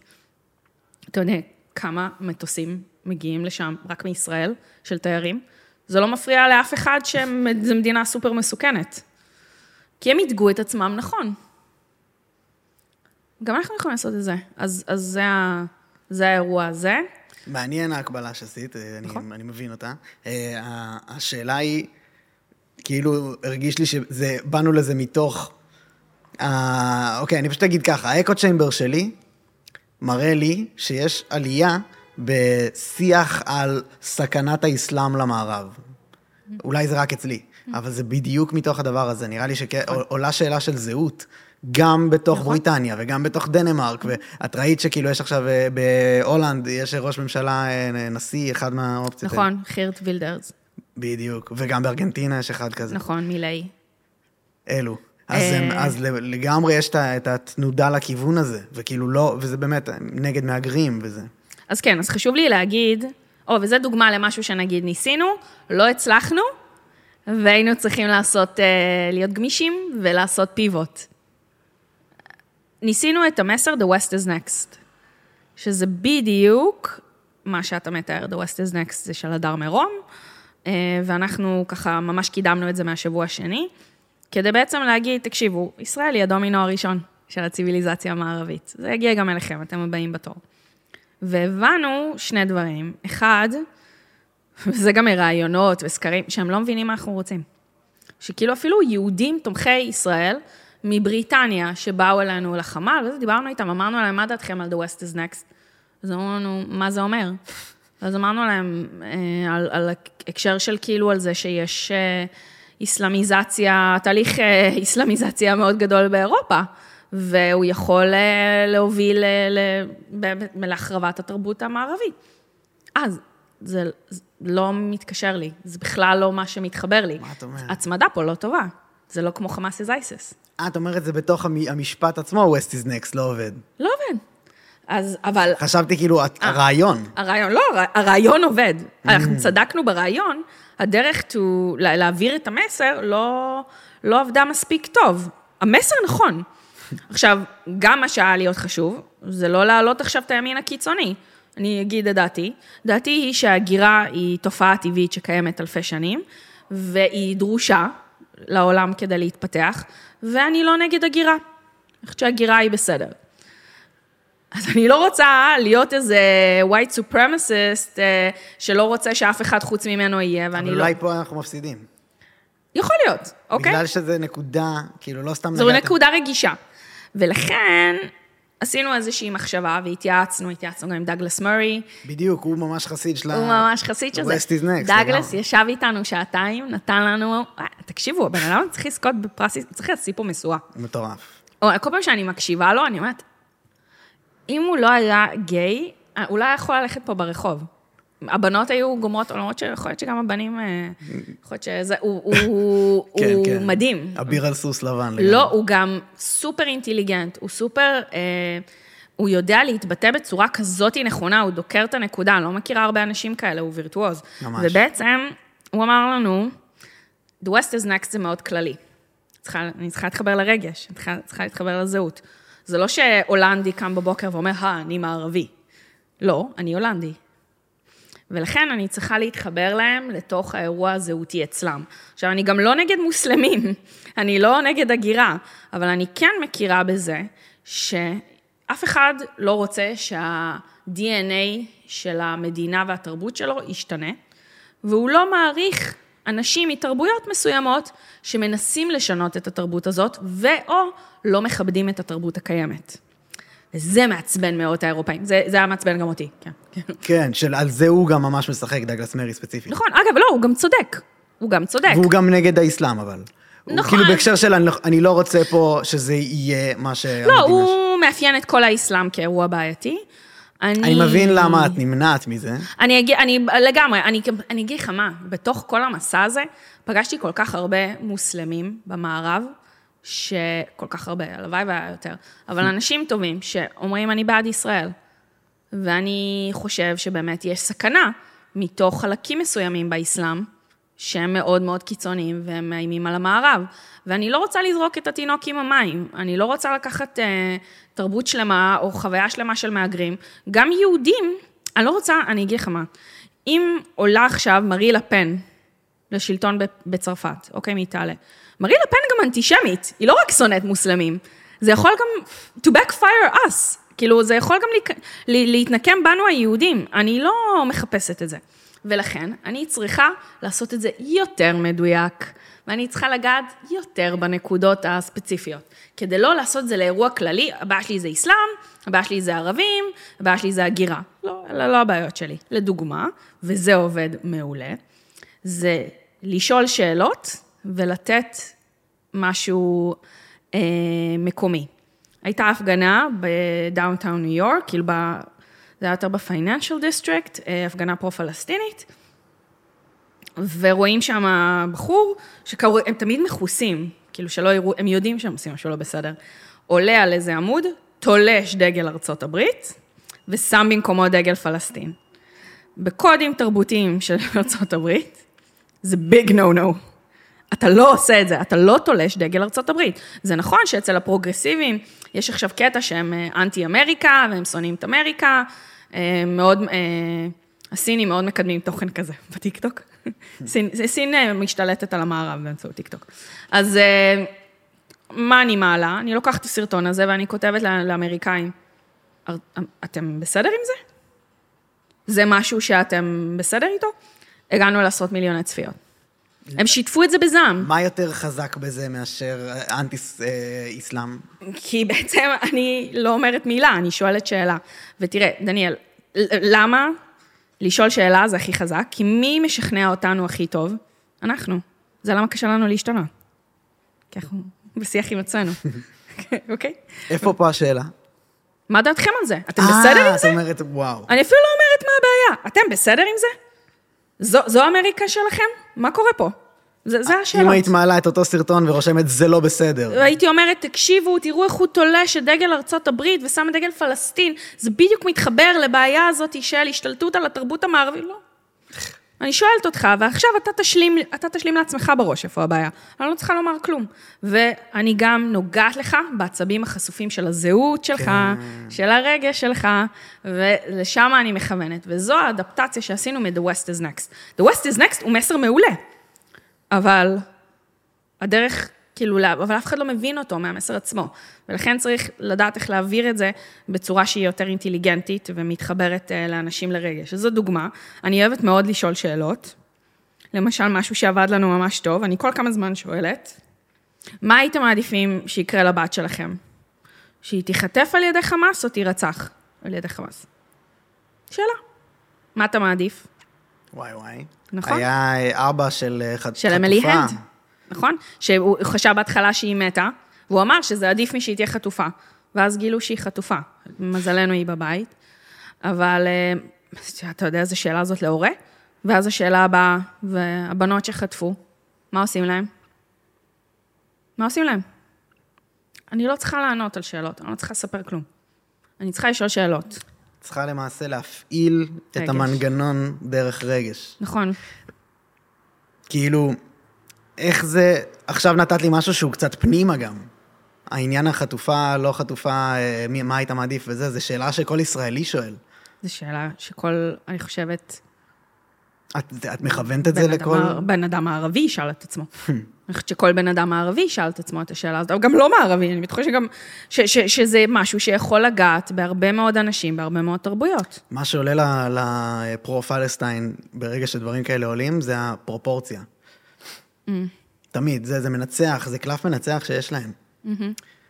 אנ- אצלנו זה מוסר, אצלם זה כמות, כאילו. אמ, לפני אה, קצת יותר מחודש, מהגר אה, אלג'יראי בדבלין, באירלנד, מדינה מאוד אנטי-ישראלית, אולי מהמובילות, המובילה באירופה, אמ, דקר, שני מבוגרים ושלושה ילדים לדעתי זה היה. היו מהומות ברחובות, השחתה של רכוש, ונדליזם, שרפו מלון של מהגרים, שמשכנים בו מהגרים. על אה, דקירה, כן? שחמורה מאוד, מאחלת לאנשים האלה בריאות. אותנו טבחו, אנסו, התעללו, צילמו את הכל, ניסו לעשות לנו רצח עם ופשוט לא הצליחו. אנחנו לא הגבנו ככה אף פעם, זאת אומרת, אנחנו על הרבה, על, הם על הרבה פחות מגיבים הרבה יותר. אני לא יודעת, mind you, שימו לב, לפחות בנקודה שאני ואתה מצלמים, גם ערביי ישראל וגם יהודי ישראל, אתה לא רואה את מה שהיה פה בשומר חומות, אתה לא רואה פה התנגשויות בין יהודים וערבים. איך זה קשור ולמה? זה קשור לזה שאתם מדברים איתי על כמויות ופרופורציונליות, תראו איך אתם מגיבים במערב. על הרבה פחות תראו איך אתם מתנהגים. כן, גם אה. מקודם שנגעת בכל הליברלים וזה בגרמניה וב... אתם יושבים על מדינות כבושות. אה, אז האמת, האמת, אתמול כתבתי על זה משהו שידעתי שהוא לא politically correct, ואין, כשאני כותבת משהו לא politically correct, זה ישר אה, מגיע לחו"ל. ישר רואה את זה. כתבתי לכל האנשים הלבנים שגרים בארצות הברית, בקנדה, באוסטרליה, בניו זילנד, דרום אפריקה. תגידו, אתם קוראים לנו פרויקט קולוניאליסטי. אני, יש לי היסטוריה של 3,400 שנים באדמה הזאת, יש לי ארכיאולוגיה, תיעוד היסטורי. אני אינדיג'נס, אני ילידית. אתם לא. אז אם אתם רוצים כל כך לחסל את הפרויקט הקולוניאליסטי, שוב, אני לא קולוניאליסטית שאני נמצאת בו, למה אתם גרים שם עדיין? למה אתם לא חוזרים מאיפה שבאתם? עוד דבר, יש כל כך הרבה אה, תמיכה אצלכם, או הצדקה לאונס כדרך אה, מוצדקת ל-resistance, להתנגדות, לכיבוש. אז אתם בעצם מצדיקים את האונס של עצמכם ואת הרצח של עצמכם. אם עכשיו אה, ילידים, לא יודע מה, אבוריג'ינים באוסטרליה, מאורים בניו זילנד, Native Americans, אינדיאנים בארצות הברית וקנדה, אה, יאנסו וירצחו, אז, אז אתם תהיו בסדר עם זה? זה מגיע לכם? אני חושבת שלא. תענו לי אתם. וזה עורר המון המון המון המון שיח. ו... כי למה? כי נגעתי להם בזהות. כי לא הגיוני שסטייסי מ... זה, זה אגב אמיתי, איזו בלונדינית אחת בהפגנה פרו-פלסטינית בקולומבוס, אוהיו, מדברת על זה שכאילו אנחנו פרויקט קולוניאליסטי, ואנחנו פה, וכל דבר צריך לי להיאמר בהקשר, everything has a context. את בעצם אומרת שאת, גם אין לך זכות לחיות איפה שאת חיה, וגם את, זה בסדר שיאנסו אותך, וגם את, זה בסדר שירצחו אותך, ואני בכלל לא פרויקט קולוניאליסטי, כן? זה שלכם, זה לא שייך אליי, ולכן אל תכילו, אני גם אומרת את זה להמון משלחות מחו"ל שמגיעות אלינו, אל תכילו את הדברים שקורים אצלכם, אצלנו. שמרנות מול ליברליות בארצות הברית, זה לא אותו שיח בישראל. אני כאדם ליברלי בישראל, לא בהכרח מסכימה עם כל דבר ליברלי שקורה בארצות הברית, או לחלופין שמרני, או במערב אירופה, יש המון המון שוני, ואני מהצד שלי מנסה להתחבר אליהם לזהות הזאת, אבל כשהם באים ומעבירים עליי ביקורת, אני אומרת להם, אל תתבלבלו. אנחנו לא באותה סיטואציה, ואתם לא בפוזיציה בכלל לשפוט אותנו. ואני חושבת שאתם, אתם יצאתם לקואליציית נאט"ו ב-2014 נגד דאעש. אתם הרגתם עשרות אלפי חפים מפשע בסוריה, בעיראק, באפגניסטן. אף אחד לא אמר מילה. לא ראיתי אתכם ב-ICJ. צריך גם להגיד, רוב המדינות לא תומכות בתביעה של דרום אפריקה ב-ICJ, צריך גם לדבר על זה, אבל זה, אתה מבין? הם לא הגיעו ל-ICJ, נאט"ו, אז אל תבואו ותדברו איתי על מוסר. אל תבואו ותדברו איתי על מוסר. ואני גם לא רוקדת לחליל של הפלסטינים. הם אומרים המון דברים. לא כל דבר צריך להגיב. צריך יותר להתרכז באיך לייצר סדר יום, ושהם יגיבו אליי, מאשר שהסברה ישראלית היא כזאת, זה אנחנו. קמים בבוקר, מה אמרו עלינו היום? אוקיי, עכשיו אנחנו צריכים להסביר למה אנחנו לא כאלה. נכון. במקום לבוא, לקום בבוקר, להגיד, הנה, זה, חמאס זה דאעש. אני חושב שהם עכשיו הם מנסים להסביר למה הם לא. שזה מה שצריך לעשות. חזק. אני חושבת שזה השינוי, זה שינוי מהגנה להתקפה. מדהים. וזה לא אפולוגטי. ולאן זה הולך? צעדים, כאילו את עכשיו, אה, אמר, הבנתי ממך שאת אה, הבנת ששאלות עובד, הבנת שזהות עובד והקשרים האלה. נכון, ורק אז העובדות. העובדות כן חשובות לי, לאמת כן יש משמעות. אני חושבת שלאמת... אני חושב שלי, לי מה שנשמע, ואולי גם לחלק מהמאזינים זה, זה צף, שכאילו, אני לא משוכנע בזה שהכוח של רשתות משתווה בלונג רן לכוח הדיפלומטי וה... מה ש... החלק השני הזה שאת מתארת. בסדר, אבל... אני אומרת, עוד 20 שנה הם יהיו הדיפלומטים. בדיוק. זה, בדיוק זה. מסכים.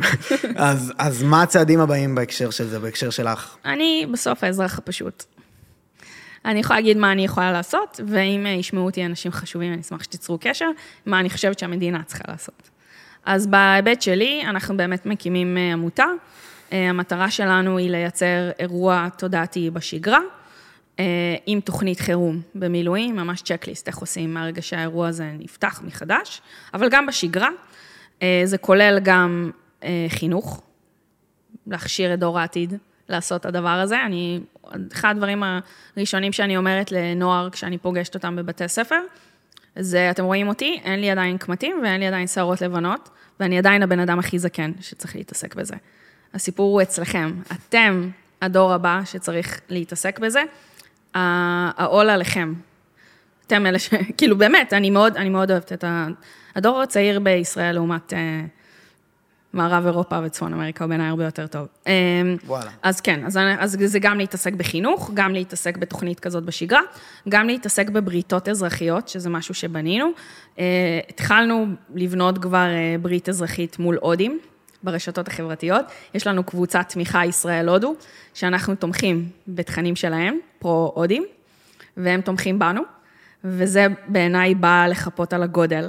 זו המדינה עם האוכלוסייה הכי גדולה בעולם, אנחנו כלומניקים, והם מתים עלינו. וואו. האינדו, האינדו מתים כן. עלינו. אז uh, היום, או אתמול בלילה, אני, אני מפרסמת איזה משהו, פתאום אני רואה שמגיבה לי, מגיב לי חשבון שכותב אלה Travels, אלה קינן, הודו.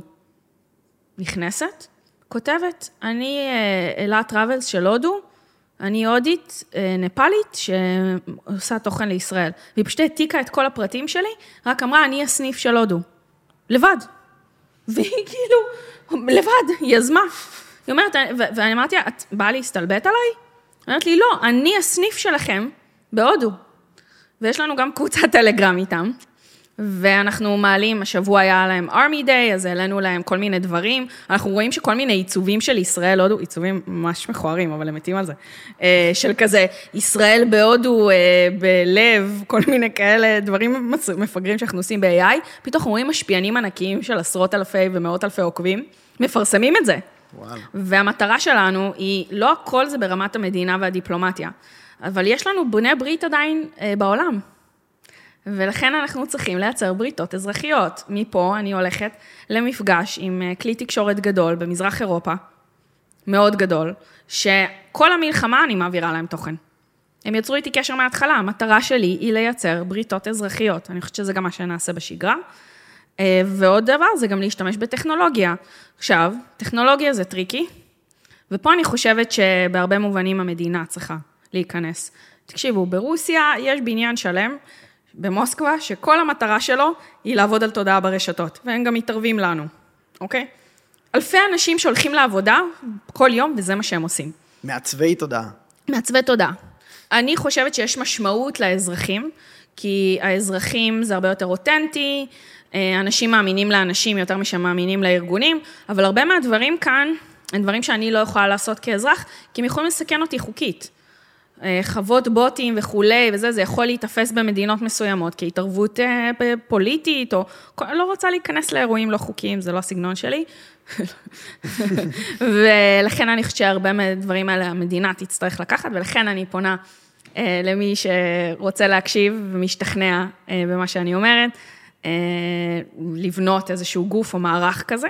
אני חושבת שזה העתיד שצריך להיות, והאירוע צריך להיות לאורך זמן, ואני מאמינה שהשאיפה צריכה להיות לנצח, זאת אומרת, לשלוט בסדר היום ברשתות החברתיות, ושבסקרי דעת הקהל בקרב צעירים, מצבנו לא יהיה כל כך חמור כמו שהוא היום. אם את יכולה למנות לי את האשטגים והניסיונות הבאים שלך, מתוך מה שאת מבינה איפה שזה נמצא היום, ואם את יכולה לעשות לי מפה קצת יותר ברורה של המאזן שחמט, מי מנצח, מי מפסיד בעינייך.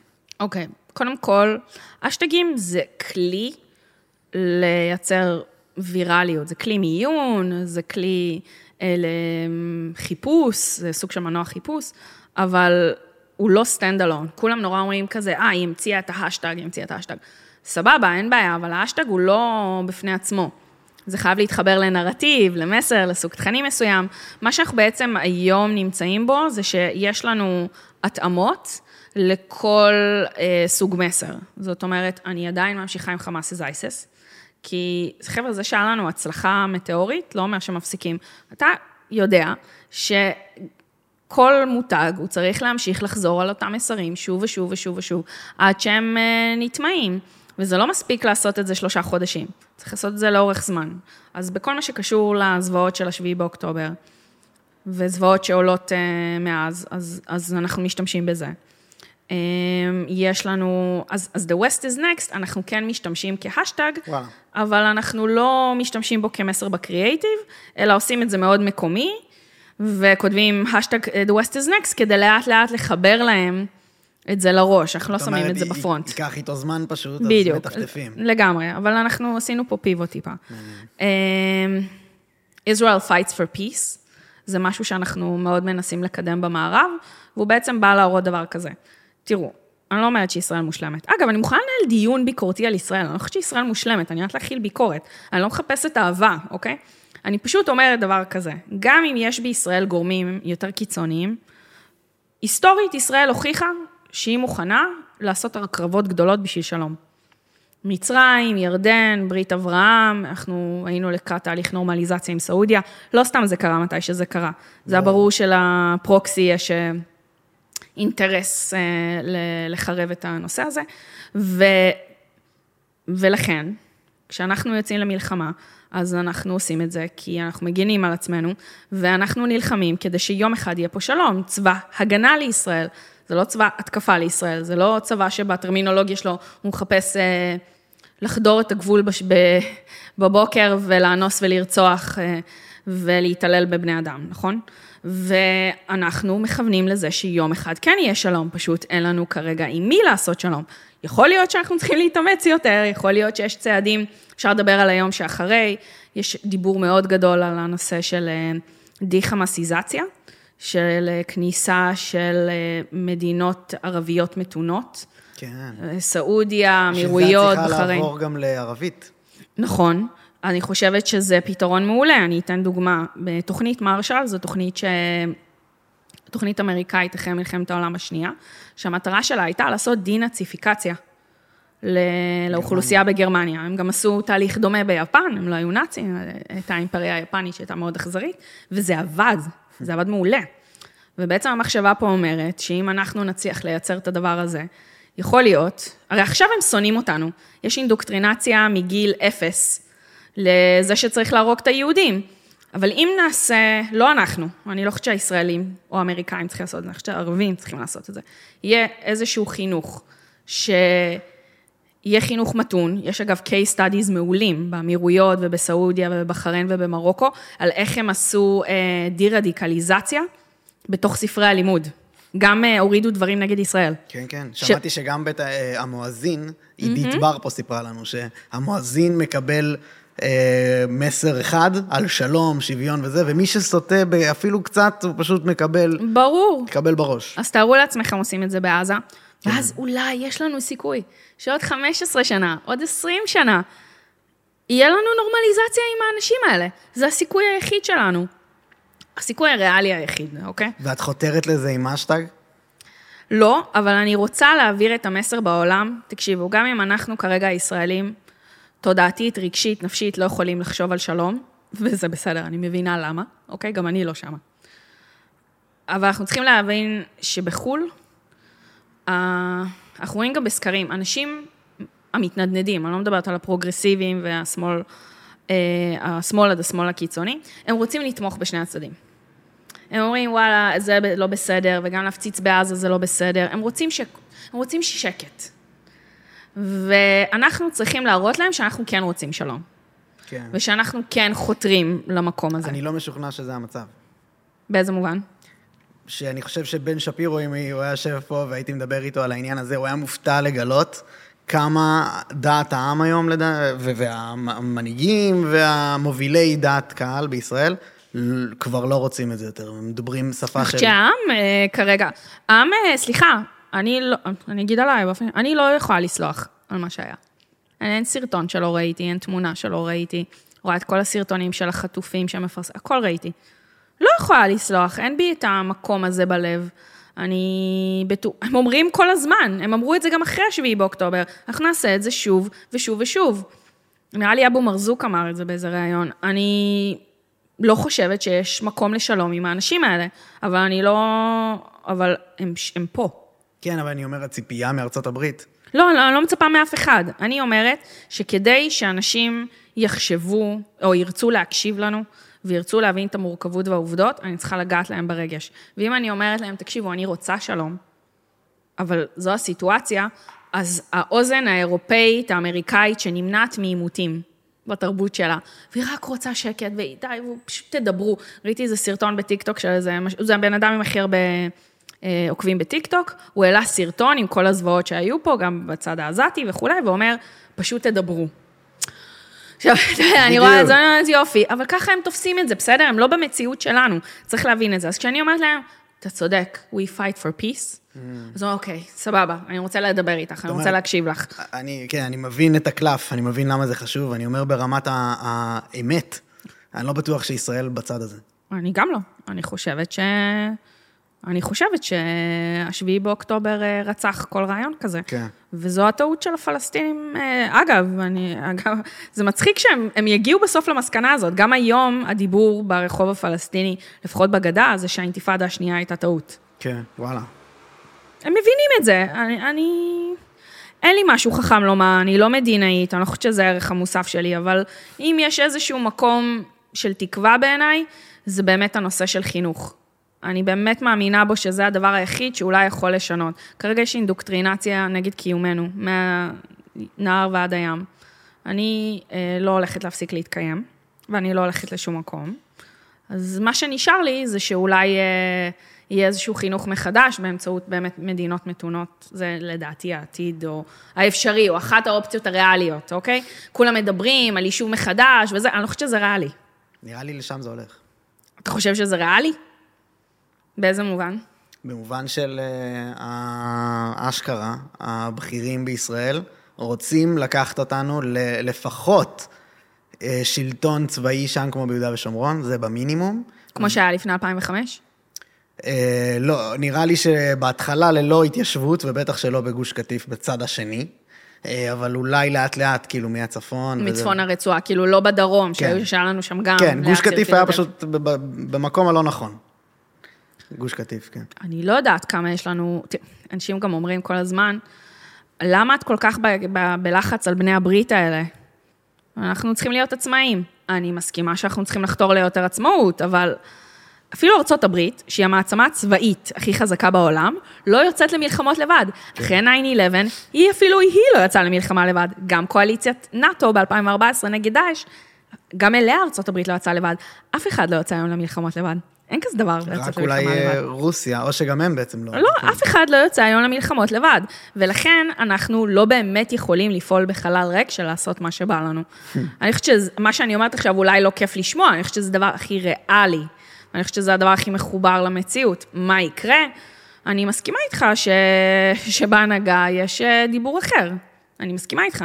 אתה באמת, אתה, אתה יכול להבין למה להגיד דבר כזה כשאתה שר במדינת ישראל, זה נזק תודעתי עצום עבורנו? בקרב בני הברית שלנו? אז אני מבין, אני, אני, אני נמצא בקונפליקט כרגע עם הפודקאסט גם, שפשוט אני, אני אשכרה נחשף לחלק ענק בעם, שהוא אמר את מה שהוא חושב.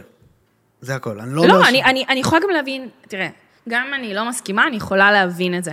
אני חושבת שחווינו פה משהו. וזה באמת ה- הדבר הכי גרוע שקרה לנו מאז השואה, לא להבדיל אלף הבדלות, אבל זה כאילו היה כמו יום בשואה. כן. זה מה שזה היה.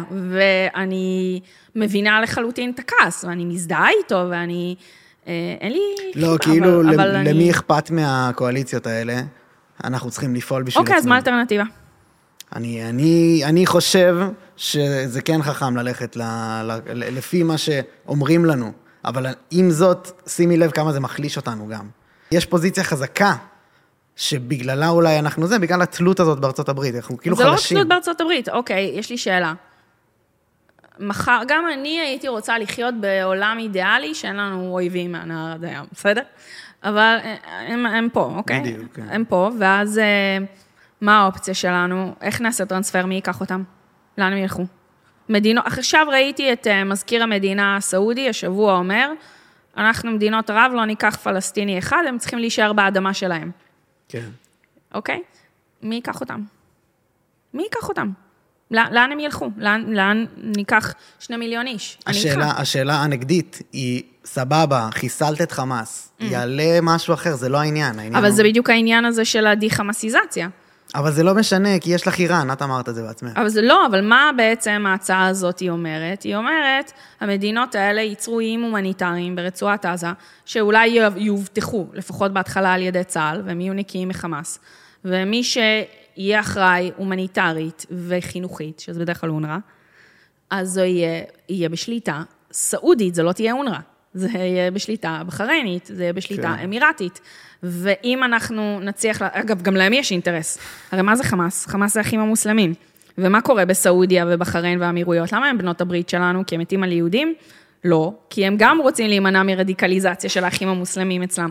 יש כמה צירים במזרח התיכון, יש את האירוע של איראן, ויש את האירוע של האחים המוסלמים, ויש את אה, אה, הבריתות המתונות. אז, זה.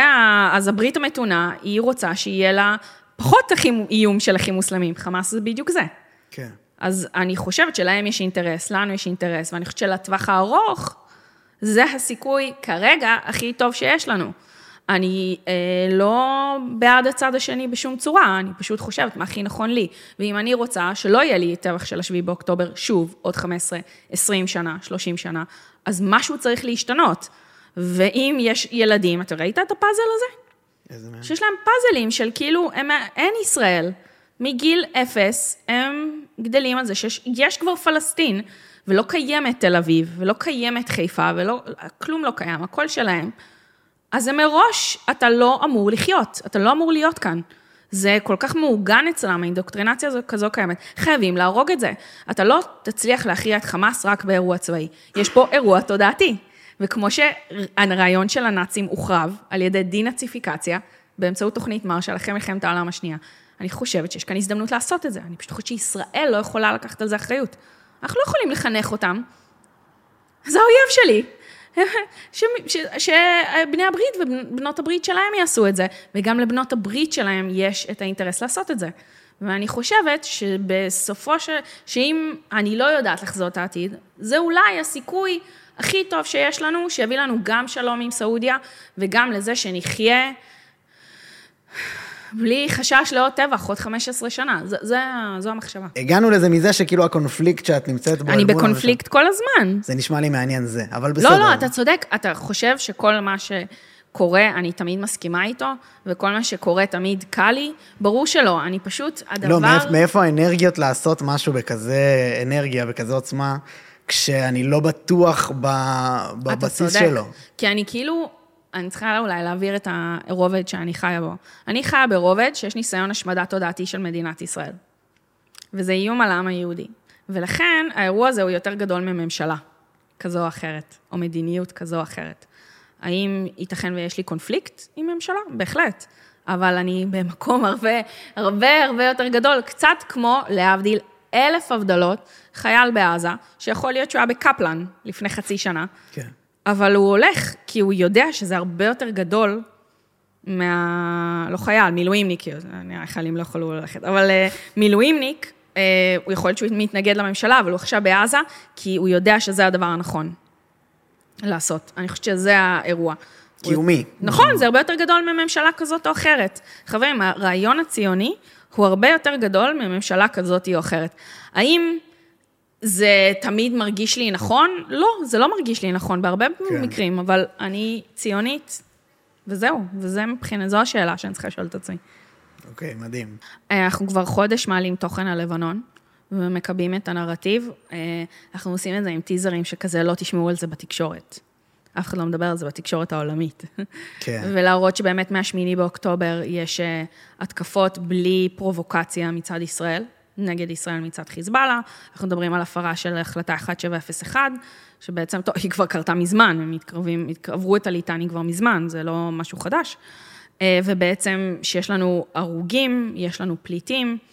אה, בתוך מדינת ישראל, גם מהדרום, אבל עכשיו גם מהצפון, ובעצם שאנחנו נמצאים תחת איום קיומי, והאירוע הזה הוא מתחבר כולו ביחד, זה לא סתם החות'ים וחמאס וחיזבאללה. בסוף, it was never about Palestine, וזה המסר. נראה לך שיאמינו לזה בכלל? אני לא יודעת, אבל כרגע הם בצד השני לא עושים שום, שום עבודה תודעתית, אני היחידה שעושה את זה. בחיזבאללה. כן, כבר. חודש. מה זה עבודה תודעתית? הם לא עושים את זה כלפי המערב. כן. פנימה הם עושים. אז בעצם, כלפי המערב, כרגע אני היחידה שמוציאה, או בין היחידים, אני חושבת, שמוציאה תודעתית. המסר שלי הוא למערב, חברים, הסיפור הוא לא פלסטין, הוא לא היה פלסטין, הוא לא, הוא לא רלוונטי. גם כל הזמן מדברים, אומרים שהסיפור הוא 48. זאת אומרת, עצם הקיום שלי הוא הבעיה, לא 67. הם אומרים את זה בעצמם כל הזמן, יש לנו מלא הוכחות של זה, מלא ראיונות, מלא פוסטים של מובילי דעת קהל מתוך מכונת הרעל. הסיפור הוא לא זה, ולבנון היא בעיניי הדוגמה המצוינת.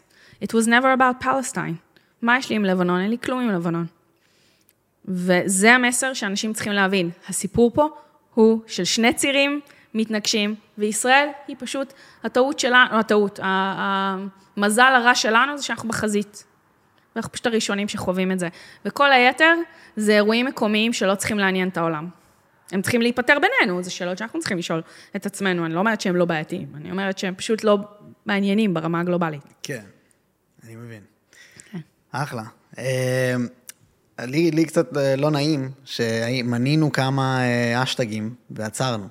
אה, אז... כי, רק אם בא לך, פשוט אני מרגיש שכאילו... חמאס is ISIS, על הקטע של it was never about Palestine, אז אנחנו משתמשים בזה. אנחנו משתמשים ב-Israel fights for peace, ב-The West is next, אבל לא כ... זה רק האשטג, אנחנו אף פעם לא כותבים את זה בתוכן עצמו, או על הקריאייטיב, אנחנו לא מתעסקים בזה. אה, בואו נחשוב, אה, זה לא אשטג שלנו, זה אשטג של דניאל אופק והצוות שלה, של Me Too Unless You're a Jew, שזה, הם עשו עבודה מדהימה, מדהימה, מדהימה, מדהימה, הם עשו עבודה מדהימה ממש, תודעתית. אה, בואו נחשוב אם יש לי עוד משהו, אני כל הזמן משנה את ה... אה, על הקטע של ה-ICJ וה- והאג. אז כאילו, אני יודעת שאומרים The Hug, זה השם שלה, כאילו, של העיר, אבל אנחנו עשינו אה, חמאס needs a hug. כאילו, בקטע של לא חיבוק, אלא הם צריכים להגיע להאג, לא אנחנו. So, חמאס needs a hug, אני יודעת, זה אמור להיות The Hug, אבל זה לא משנה. אנשים מבינים את המטבע לשון, את הפן. חזק, כאילו יש לי אלף שאלות על איך אתם בונים את זה וזה, אבל... אה, וואי, אנחנו פשוט, אני כל הזמן בתוך הצוות, אנחנו צוות של עשרה אנשים, אנחנו אירוע רזה, אה, גרילה, לא... אין לנו אפילו שם. בדיוק. אין לנו שם אפילו. אנחנו ואנחנו ו... אנחנו, אין לי שם אפילו למה שאני עושה. אז אה, אנחנו עושים כל הזמן את המחשבות האלה, יש לנו את הצוות קריאייטיב, ואנחנו בעצם חושבים על זה, אז החמאס needs a hug, זה מעולה. כי זה, זה משהו שהתחלנו עכשיו, על כל מה שקשור על, על, אה, על המשפט של ישראל בהאג, אנחנו כותבים את זה. בואו נחשוב אם יש לי עוד אשטגים. אז, אז בעצם כל הזמן אומרים לי, מה השטגים שצריך להשתמש עכשיו? אין, אה, אין ממש משהו, אה, זה תלוי נורא בתוכן. אז לכל תוכן אני שמה אשטג אחר, ותעתיקו פשוט. היה תקופה שהשתמשנו ב-The Real Image, שזה משהו שהם השתמשו בו המון המון המון המון, כדי להראות את התמונה האמיתית, אז אנחנו השתלטנו עליו. והיה את, אה, איך קוראים לזה? מה זה היה? אה, Before October 7. כאילו, יש להם מאוד את הנרטיב של להגיד, הדברים לא קרו רק ב-7 באוקטובר, זה הגיע לישראל, היו דברים לפני. אני משתמשת בו רק כי הוא מאוד פופולרי, ואז אני פשוט יכולה לקבל יותר צפיות לתוכן שלי. אה, ויש לנו כל יום שישי, אנחנו משתלטים לגרטה טונברג על האשטג שלה, הוא כרגע בשליטה ישראלית. אה, שקוראים לו Fridays for Future, זה האשטג על... שליטה ישראלית זה אומר שאת... הוא נחטף על ידי שליטה ישראלית, והוא יחזור כשהחטופים יחזרו. בעצם לקחתי את האשטג שלה, והיום רוב האשטג שלה זה תוכן ישראלי על החטופים. וואו. זה גם נקמה על זה, על בה. אה, זה אשטג די פופולרי אה, בכל מה שקשור אה, ל-climate change וכולי, אז אשטג אולי אחד הכי פופולריים, אז כיום הוא בשליטה ישראלית, ואנחנו נחשוב אם להחזיר אותו. מעניין. במשא ומתן. חזק. טוב, אה, מבחינתי אנחנו, אנחנו בדיוק ארבע ורבע. מעולה. מהמם, טוב, אז אני ממש שמח, אני כאילו רציתי, ואני שמרתי לעצמי גם מלא לזוז לשם יותר מדי וזה, אבל בכללי על, על, על כל הקונספט של מותג, וזה עוד יש לי מלא מה, מה, מה לשאול. וואי, כן, לגמרי. זה מרתק, זה נושא מרתק בפני עצמו על אה, זה, ואמרתי מה, על אלגוריתם, שאיך הוא עובד, ותוכן טוב עושה עבודה טובה, וזה דברים מרתקים. נכון, אני מסכימה, וואו, הלוואי והיה לי עוד זמן לדבר על זה. לא, ברור. צריכה ללכת לראיון. מובן, מובן לגמרי. אה, אז אה, טוב, אז תודה רבה שהתארחת. תודה לך. אה, שמחתי ממש, אלה קינן, אלה, אלה קינן. כל טוב, כל טוב, תודה. תודה רבה, תודה למי שצפה והאזין. תודה לכם. יס. Yes.